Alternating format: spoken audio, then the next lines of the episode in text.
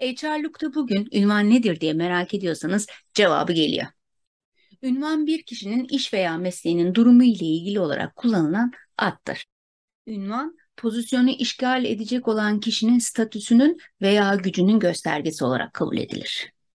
Ünvan çok mu önemlidir? Evet, her işletme kendi organizasyonel yapılanmasına uygun bir ünvan sistematiği geliştirir.